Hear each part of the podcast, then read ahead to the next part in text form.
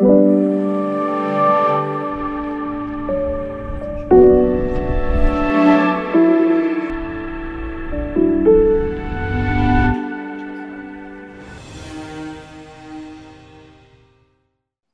blisko tygodnia Piotr Andrusieczka, którego widzicie właśnie na ekranie, jest na tak zwanym wschodzie Ukrainy.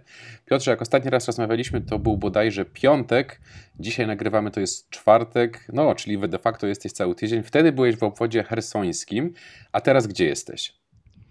O, teraz jestem w obwodzie donieckim, czyli rzeczywiście przejechaliśmy kawał drogi, e, bo byliśmy jeszcze po drodze w Mariupolu, czyli na, na południe obwodu donieckiego, teraz jesteśmy bardziej na północ. E, to jest akurat e, okolica Konstantyniwki. Jesteśmy w tym konkretnie miejscu, dlatego że po prostu przed chwilą mieliśmy tutaj spotkanie z ukraińskimi e, wojskowymi. I co się wydarzyło na tym spotkaniu? To było bardzo ogólne spotkanie. Chodziło o to, że o uzyskanie informacji, co tak naprawdę się dzieje na froncie. To znaczy, na ile ta sytuacja, która ma miejsce w ostatnich tygodniach, różni się od tego, co było wcześniej, czyli powiedzmy, co było jeszcze do końca ubiegłego roku, e, bo rzeczywiście no, widzimy e, od początku nowego roku, od początku tego roku widzimy zaostrzenie na, e, na froncie. No i rzeczywiście, no przede wszystkim jest, mówi się o tym i to też pokazują statystyki, że widzimy zwiększoną aktywność snajperów po stronie tej, po, po tej stronie bojowników prorosyjskich. A jak ta, a, no i tutaj... sorry, a jak ta aktywność się objawia? To znaczy, wiesz co, no, że chodzi o to, że większość zabitych y, po stronie ukraińskich żołnierzy właśnie jest od ognia snajperskiego i również problemem są y, ostrzały moździerzowe, bo w jednym z takich ostrzałów moździerzowych od właśnie wybuchu pocisków 82 mm moździerza no zginęło od razu czterech ukraińskich żołnierzy, ale rzeczywiście problemem są po prostu snajperzy, którzy są, z tego co mówią ukraińscy żołnierze, bardzo dobrze przygotowani, no i zresztą to jest chyba zrozumiałe, że snajperem nie stajesz się z dnia na dzień, to znaczy, że nie pochodzisz sobie na strzelnicę i po prostu będzie snajperem, który będzie mm, prowadził ogień na duże odległości, to są, to są profesjonaliści, no możemy się tylko domyślać może skąd oni, skąd oni pochodzą. Dobrze, a powiedz, co jeszcze wydarzyło się w ciągu tego tygodnia? To był nasycony tydzień, bo mm, rzeczywiście tutaj było bardzo, bardzo dużo się działo, tak naprawdę też jakby o tym, y, o tym też chyba wszyscy, to chyba wszyscy obserwowali też na tym takim dyplomatycznym froncie i tych relacji między, między właśnie Rosją, y, między Rosją Stanami Zjednoczonymi, między Rosją Unią Europejską, między Ukrainą Stanami Zjednoczonymi i między Ukrainą i Unią Europejską. Ja od razu powiem tak, że tutaj po tym tygodniu właśnie nastroje generalnie, tak jak wczoraj jeszcze właśnie dodam, wczoraj byliśmy w takiej miejscowości Troickie w obwodzie donieckim, ona jest tuż przy linii, przy linii frontu. Sąsiednią miejscowością, którą zresztą widać tam, jak jest dobra pogoda, to jest Gorłówka zajęta przez e, rosyjskich bojowników i trzymana przez nich e, od 2014 roku. Tam też znajdują się, znajduje się taka miejscowość Szumy, gdzie właśnie no, też zginęło już chyba kilku ukraińskich żołnierzy. To jest, taka, to jest takie miejsce, gdzie e, odległość między ukraińskimi żołnierzami i bojownikami jest bardzo nieduża, więc jakby to powoduje, że tam dochodzi często właśnie do wymiany ognia ale z tej miejscowości spotkaliśmy się tam z takim miejscowym aktywistą, e, człowiekiem, który zajmuje się też obroną praw człowieka. I on mówi, że tak jak tydzień temu rzeczywiście był bardzo pesymistycznie nastawiony, to znaczy zakładał, że w każdej chwili może zacząć się coś większego i to też na Donbasie, to teraz, ale nie tylko. No to mówi, że teraz w ostatnim czasie jednak, to jest bardziej takie w kategoriach odczucia pewnego, no ale czuję, że jednak to napięcie spada i że tych ostrzałów one są, to znaczy one, on, je słychać w tej miejscowości każdy dzień, czy w zasadzie każdej nocy i nad ranem, ale tym niemniej intensywność trochę spada no i też mówi, że on stara się obserwować e, te pole informacyjne, właśnie nie tylko ukraińskie, ale również e, rosyjskie, po tej drugiej stronie też e, tej linii frontu, czyli w tych tak zwanych republikach separatystycznych, no i też i z tego, co mówi, no ma takie odczucie, że trochę jednak ta, że jednak spada to właśnie to napięcie. Słuchaj, bo tak, oczywiście wszyscy sobie zadają takie jedno, no w sumie negatywne pytanie, będzie wojna czy nie, czy będzie jakaś taka eskalacja, ale tak jakbyśmy tak mieli spojrzeć na, na jakby wcześniejszą aktywność Rosji, czy da się to w ogóle tak w sumie, swoim zdaniem przewidzieć, czy to jednak będzie w pewnym momencie swego rodzaju zaskoczenie, bo jakby naturalną, jakby taką ludzką rzeczą jest poszukiwanie sensu, czy wytworzenie jakiejś logiki, szczególnie kiedy pojawiają się wydarzenia, które nie mają sensu. Sam wiesz, że teraz komentatorzy się produkują, czego się nie będzie i tak dalej. Ja wiem, że ty jesteś spokojniejszy w, w takiej ocenie tego wszystkiego z natury, ale to, to mnie ciekawi, na ile jakby tak naprawdę jutro może być totalne odwinięcie sytuacji. So, ja zakładam, że e, to znaczy mamy, mamy kilka takich momentów, na które trzeba czekać. Po pierwsze, 21 kwietnia będzie wystąpienie e, prezydenta Rosji Władimira Putina, to znaczy on będzie się zwracał do rosyjskiego parlamentu, do Dumy. I wszyscy na to tak naprawdę czekają. To znaczy, nawet tutaj ukraińscy żołnierze jakby zastanawiają się właśnie, co on może powiedzieć, bo no tutaj to jest tak naprawdę w kategoriach gdybania. Mamy różne, różnego rodzaju możliwe scenariusze i ja zakładam, że rzeczywiście na Kremlu y, jest, te scenariusze są po prostu rozpisane. To jest pytanie, który zostanie wyciągnięty z nich y, z szuflady odpowiedniej. I wydaje mi się, że nawet do końca jakby też wszyscy mówią, że to tylko Władimir Putin jakby wie, zna odpowiedzi na to pytanie, ale wydaje mi się, że nawet kierownictwo Rosji do końca nie wie jakby jeszcze dalej jak grać. Czyli mamy tego 20, 21, na pewno musimy na to poczekać. Ja, ja obserwuję też pewną taką odwilż ze względu na to, co się ostatnio wydarzyło między Stanami Zjednoczonymi i Rosją. To znaczy mieliśmy rozmowę między Bidenem i, i Putinem i czyli mamy zaproszenie jakby tutaj do, do takiego już spotkania między tymi, tymi oboma przywódcami gdzieś tam w jakiejś najbliższej przyszłości. Nie wiemy, kiedy ono się odbędzie i gdzie dokładnie, ale to jest, wydaje mi się, pewien sygnał jednak do pewnego zastopowania. Ja nie mówię, że od razu krok do tyłu, ale że na razie jakby zatrzymanie jakby właśnie tych takich scenariuszy, e, które no, tych scenariuszy powiedzmy militarnych.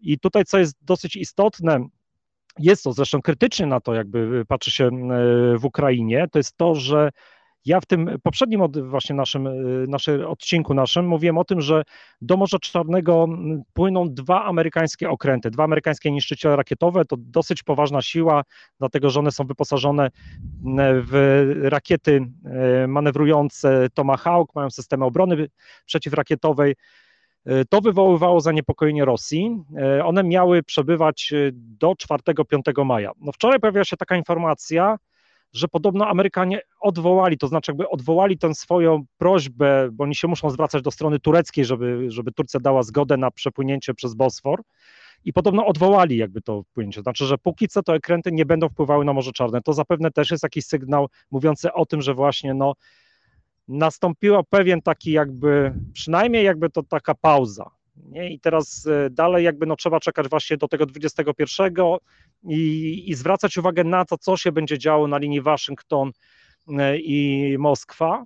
A do tego jeszcze mieliśmy bodajże wczoraj, chyba też odbyła się rozmowa między Bidenem i Merkel, więc jakby tutaj to też e, Unia Europejska, Amerykanie podkreślają, że jakby w tej kwestii właśnie gromadzenia wojsk e, wzdłuż granicy z Ukrainą, tego co się dzieje na Donbasie, to tutaj zarówno Stany Zjednoczone i jak i Unia Europejska, one działają razem. Więc no ten, powiedzmy, że ten front dyplomatyczny jest dosyć silny, ale e, czytałem w weekend bardzo ciekawy artykuł e, w Nowej Gazecie, to jest rosyjska opozycyjna gazeta, w której autorka napisała, że Zachód jednego nie rozumie tak naprawdę, że Putin i Kreml nie boją się sankcji. To znaczy, że jeżeli na przykład odpowiedzią Zachodu na agresję Rosji miałoby być wzmocnienie polityki sankcyjnej, to to nie jest odpowiedź, która przestraszy e, Kreml. Tak naprawdę jakby w tym artykule napisano bezpośrednio, że jedyne co może jakby powstrzymać Rosję, jeżeli Kreml zdecyduje, zdecyduje się na ten taki scenariusz militarny, no to jest jasny sygnał, że Zachód, że partnerzy zachodni nie opuszczą Ukrainy i nadadzą pomoc również militarną. Okay, dwie rzeczy tutaj jeszcze. Pierwsza to jest taka, no spodziewane tak. są jakby z zupełnie innego powodu, ale jednak są spodziewane sankcje amerykańskie na Rosję ze względu na ten y, ostatni cyberatak. Nie wiem, czy to w jakikolwiek sposób tutaj może być oddziaływać na tę sytuację. No jednak dotyczy to zupełnie innej sytuacji, choć ci sami gracze a druga kwestia, y, powiedz jeszcze, czy ta wizyta Erdogana y, również jakieś tutaj odegrała rolę w tym wszystkim? Ona była bodajże 4 czy 5 dni temu. To y, wizyta Załęskiego u Erdogana. A, tak, tak, tak, dokładnie, sorry. Tak, tak, tak. Tak, więc rzeczywiście tak, znaczy ja zacznę od takiej drugiej kwestii, to znaczy wydaje mi się, że, bo tam padły dosyć takie, tak to zostało przynajmniej odebrane w Ukrainie, dosyć ważne sygnały wsparcia jakby dla, dla Ukrainy, to znaczy no w gruncie rzeczy Erdogan nigdy nie uznał na przykład aneksji Krymu. Nie? Znaczy Turcja nigdy nie uznała. I też no, trzeba pamiętać, że na Krymie mieszkają Tatarzy krymscy, którzy przez nacjonalistów tureckich no, są uważani po prostu jako część jakby tej wielkiej tureckiej rodziny. Więc rzeczywiście to jest i, i, jest dosyć duża migracja krymsko-tatarska w samej Turcji. To jest oczywiście też pewien taki element, no, który oddziałuje na polityków tureckich. Więc mamy, mamy polityczne jakby wsparcie, ale też trzeba pamiętać, że Ukraina zakupuje też broń w Turcji i to jest ta broń, y, to, jest, to, to są te słynne chociażby drony, które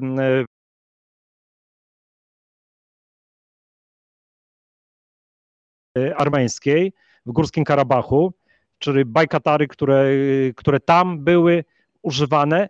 Ukraińska armia je również y, posiada. Oczywiście jest to, to póki co jest kilka, y, kilka takich jednostek, co jakby w żaden sposób no, nie mogłoby zmienić jakby sytuacji na froncie, jeżeli by doszło do właśnie takiego wielkiego ataku. Ale tym niemniej ta broń jest kupowana i co ciekawe, pierwszy lot tego Bajkatara odbył się no niedawno, dosłownie parę dni temu nad Donbasem. Znaczy pierwszy on został użyty do lotu rozpoznawczego yy, właśnie wzdłuż linii yy, frontu. Natomiast no, ja myślę, że amerykańskie sankcje ja tutaj mówiłem, że jakby ten głos jakby rosyjski, że właśnie te sankcje jakby nic nie pomagają, ale z drugiej strony, no, ja też słyszałem ukraińskie głosy, że jednak no, te sankcje są dotkliwe dla Rosji, jakiekolwiek by to, jakiekolwiek by one były. To też wydaje mi się, że każde sankcje tutaj jednak same Ukrainie będą odbierane jakby pozytywnie, no w tym sensie, że jest to jakaś tam próba osłabienia e, e, Rosji. Natomiast tu się podkreśla przede wszystkim jedno, że jeżeli miałyby być poważne sankcje prowadzone przeciwko Rosji, no to Unia Europejska, przede wszystkim Niemcy, powinny się przyłączyć do Stanów Zjednoczonych, jeżeli chodzi o Nord Stream 2 bo to wydaje się, że mogłoby być jedynym rzeczywistym uderzeniem, przynajmniej tak, ta, y, tak uważają ukraińscy analitycy, że to mogłoby rzeczywiście jakby no, spowodować e, problemy dla, e, dla rosyjskich władz. Rozumiem. A powiedz mi jeszcze, bo ostatni raz kiedy byłeś w tym okręgu donieckim, w którym teraz jesteś? E, byłem w listopadzie. Czy wtedy, kiedy robiliśmy ten cykl? Tak. Cykl. I jak o tamtej tak. sytuacji? Coś się zmieniło? Ja tak już bardziej pytam teraz no, może trochę chcę wyjść z tego teatru geopolityki i trochę wejść na taką ziemię i tak zapytać też, jak sytuacja nawet też może trochę covidowa e, w tym wszystkim. Tak, no, zmieniło się tak naprawdę dużo. No, zaczynając od tego, że rzeczywiście wtedy, kiedy ja byłem ostatni raz, a w, a w ubiegłym roku w zasadzie byłem dwa razy, to znaczy, że byłem z, tuż przed wprowadzaniem e, pod koniec lipca zawieszenia broni i zaraz po, i później właśnie w listopadzie, kiedy październik, listopad, kiedy ono trwało i to naprawdę jest diametralnie inna sytuacja, bo owszem, to nigdy nie było pełne zawieszenie broni. Umówmy się tak, to było to zawieszenie, które się skończyło, było 29 zawieszeniem broni od początku wojny w 2014 roku. Y, nigdy nie było takiej sytuacji, żeby zupełnie przestano strzelać, ale wtedy, jak rozmawiałem z mieszkańcami tych przyfrontowych miejscowości, no to oni rzeczywiście zwracali uwagę na to, że jest spokojniej. Y, teraz tego spokoju już nie ma. Słychać te właśnie ci sami mieszkańcy z tych samych miejscowości, no słyszą teraz właśnie w nocy czy nad ranem, nie ma tutaj żadnej regularności, słyszą właśnie y, ogień z broni automatycznej i też wybuchy y, artyleryjskie. No więc jest to diametralnie inna sytuacja. Oczywiście już od dłuższego czasu w zasadzie możemy mówić, że tego zawieszenia broni już nie ma. E, z covidową sytuacją to jest też ciekawe, to też się zmieniło, to znaczy, zwłaszcza kiedy ja byłem jeszcze latem, to, e, to tutaj e, przedstawiciele władzy jakby nawet się chwalili tym, że mają najlepszą sytuację w Ukrainie, w tych obwodach ługańskim i, i donieckim, zwłaszcza w ługańskim, no ale ta sytuacja też się zmieniła, jest znacznie więcej przypadków, natomiast no co ciekawe, że w porównaniu z Kijowem, obwód doniecki nie jest w tak zwanej strefie czerwonej, więc tutaj na przykład działają spokojnie restauracje, E, można iść zjeść, e, zjeść posiłek, wypić kawę e, w kawiarni. Takich ograniczeń nie ma, przynajmniej na razie, póki nie zostanie właśnie ten obwód prowadzony do czerwonej strefy. Ale czujesz się pewnie, że to są faktyczne dane? Czy korzystasz z tego, czy jednak nie. Nie, no to, to jest jakby, to jest oczywiście problem, to znaczy tutaj no, my nie mamy też często wyboru, dlatego że no po prostu musimy po drodze gdzieś, a wygląda to tak, że jakby tutaj, że jak już się jest, no to rano wsiadasz do samochodu i jedziesz i zazwyczaj umawiasz się z kimś, i to jest problematyczne już, dlatego że no, na przykład wojskowi potrafią zmienić tam właśnie twoje plany kilka razy, więc jesteś od, od rana do wieczora w drodze, czego do końca nie widać też jakby w, ty, w tych materiałach, które później przekazujemy ale rzeczywiście no, trzeba się gdzieś tam zatrzymać, e, zjeść, e, wypić, więc jakby tak, to my, my, korzystamy z tego na tyle, e, z tymi wszystkimi środkami jakby ostrożności, na ile się da tego, tego przestrzegać. No powiem tak, że generalnie ja, ja, mam trochę taki problem tutaj na spotkaniach, bo rzeczywiście, no i to zarówno w obwodzie hersońskim, jak i tutaj powiedzmy, że to są spotkania bardzo otwarte, to znaczy bez masek, z podawaniem rąk i tak dalej, więc rzeczywiście no tutaj e, to wygląda inaczej nawet niż, niż w Kijowie. Rozumiem. No dobrze, to powiedz, jakie teraz dalsze kroki? Wiemy już na te daty, na które i wydarzenia z nimi związane, na które wyczekiwać, a jeśli chodzi o ciebie, to co dalej? Kończysz? Ja dzisiaj, dzisiaj kończę rzeczywiście. E, mam za kilka godzin pociąg e, z trochę innej miejscowości, więc jeszcze muszę tam, tam dojechać. Póki co ja mam takie przeczucie już od, od, od paru dni, że rzeczywiście no, prawdopodobnie nie nastąpi ta eskalacja, czyli nie dojdzie do tej dużej wojny, o, o, której my też mówiliśmy i zastanawialiśmy się, czy właśnie na ile jest takie ryzyko. Y, natomiast no, cały czas pamiętając o tym, że ta wojna trwa, to znaczy, że jak właśnie rozmawiałem tutaj z ukraińskimi żołnierzami, to oni tak naprawdę nie widzą różnicy wielkiej, Mm, dlatego że no, siedzą w tych okopach oczywiście rotacyjnie tam i czy dłużej, krócej, ale od 2014 roku toczą się tutaj działania bojowe.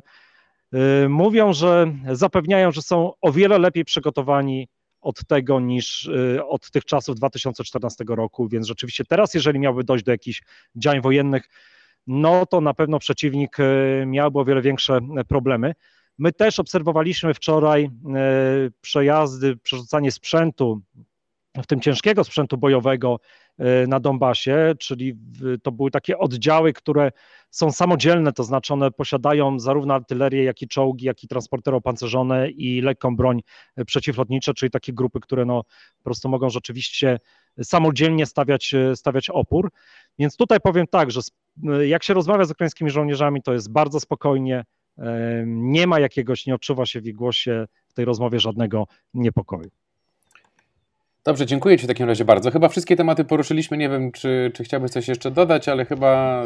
Ja tylko dodam to, że oczywiście my na bloku będziemy cały czas śledzić tę sytuację i w razie potrzeby, jeżeli rzeczywiście no, pogorszyłaby się ta sytuacja tutaj na Donbasie, no to zapewne znowu y, wyruszymy tutaj, żeby pokazać Państwu, jak to wygląda na miejscu. Super, dziękuję. To był Piotr Andrusieczko z Wodu Doneckiego.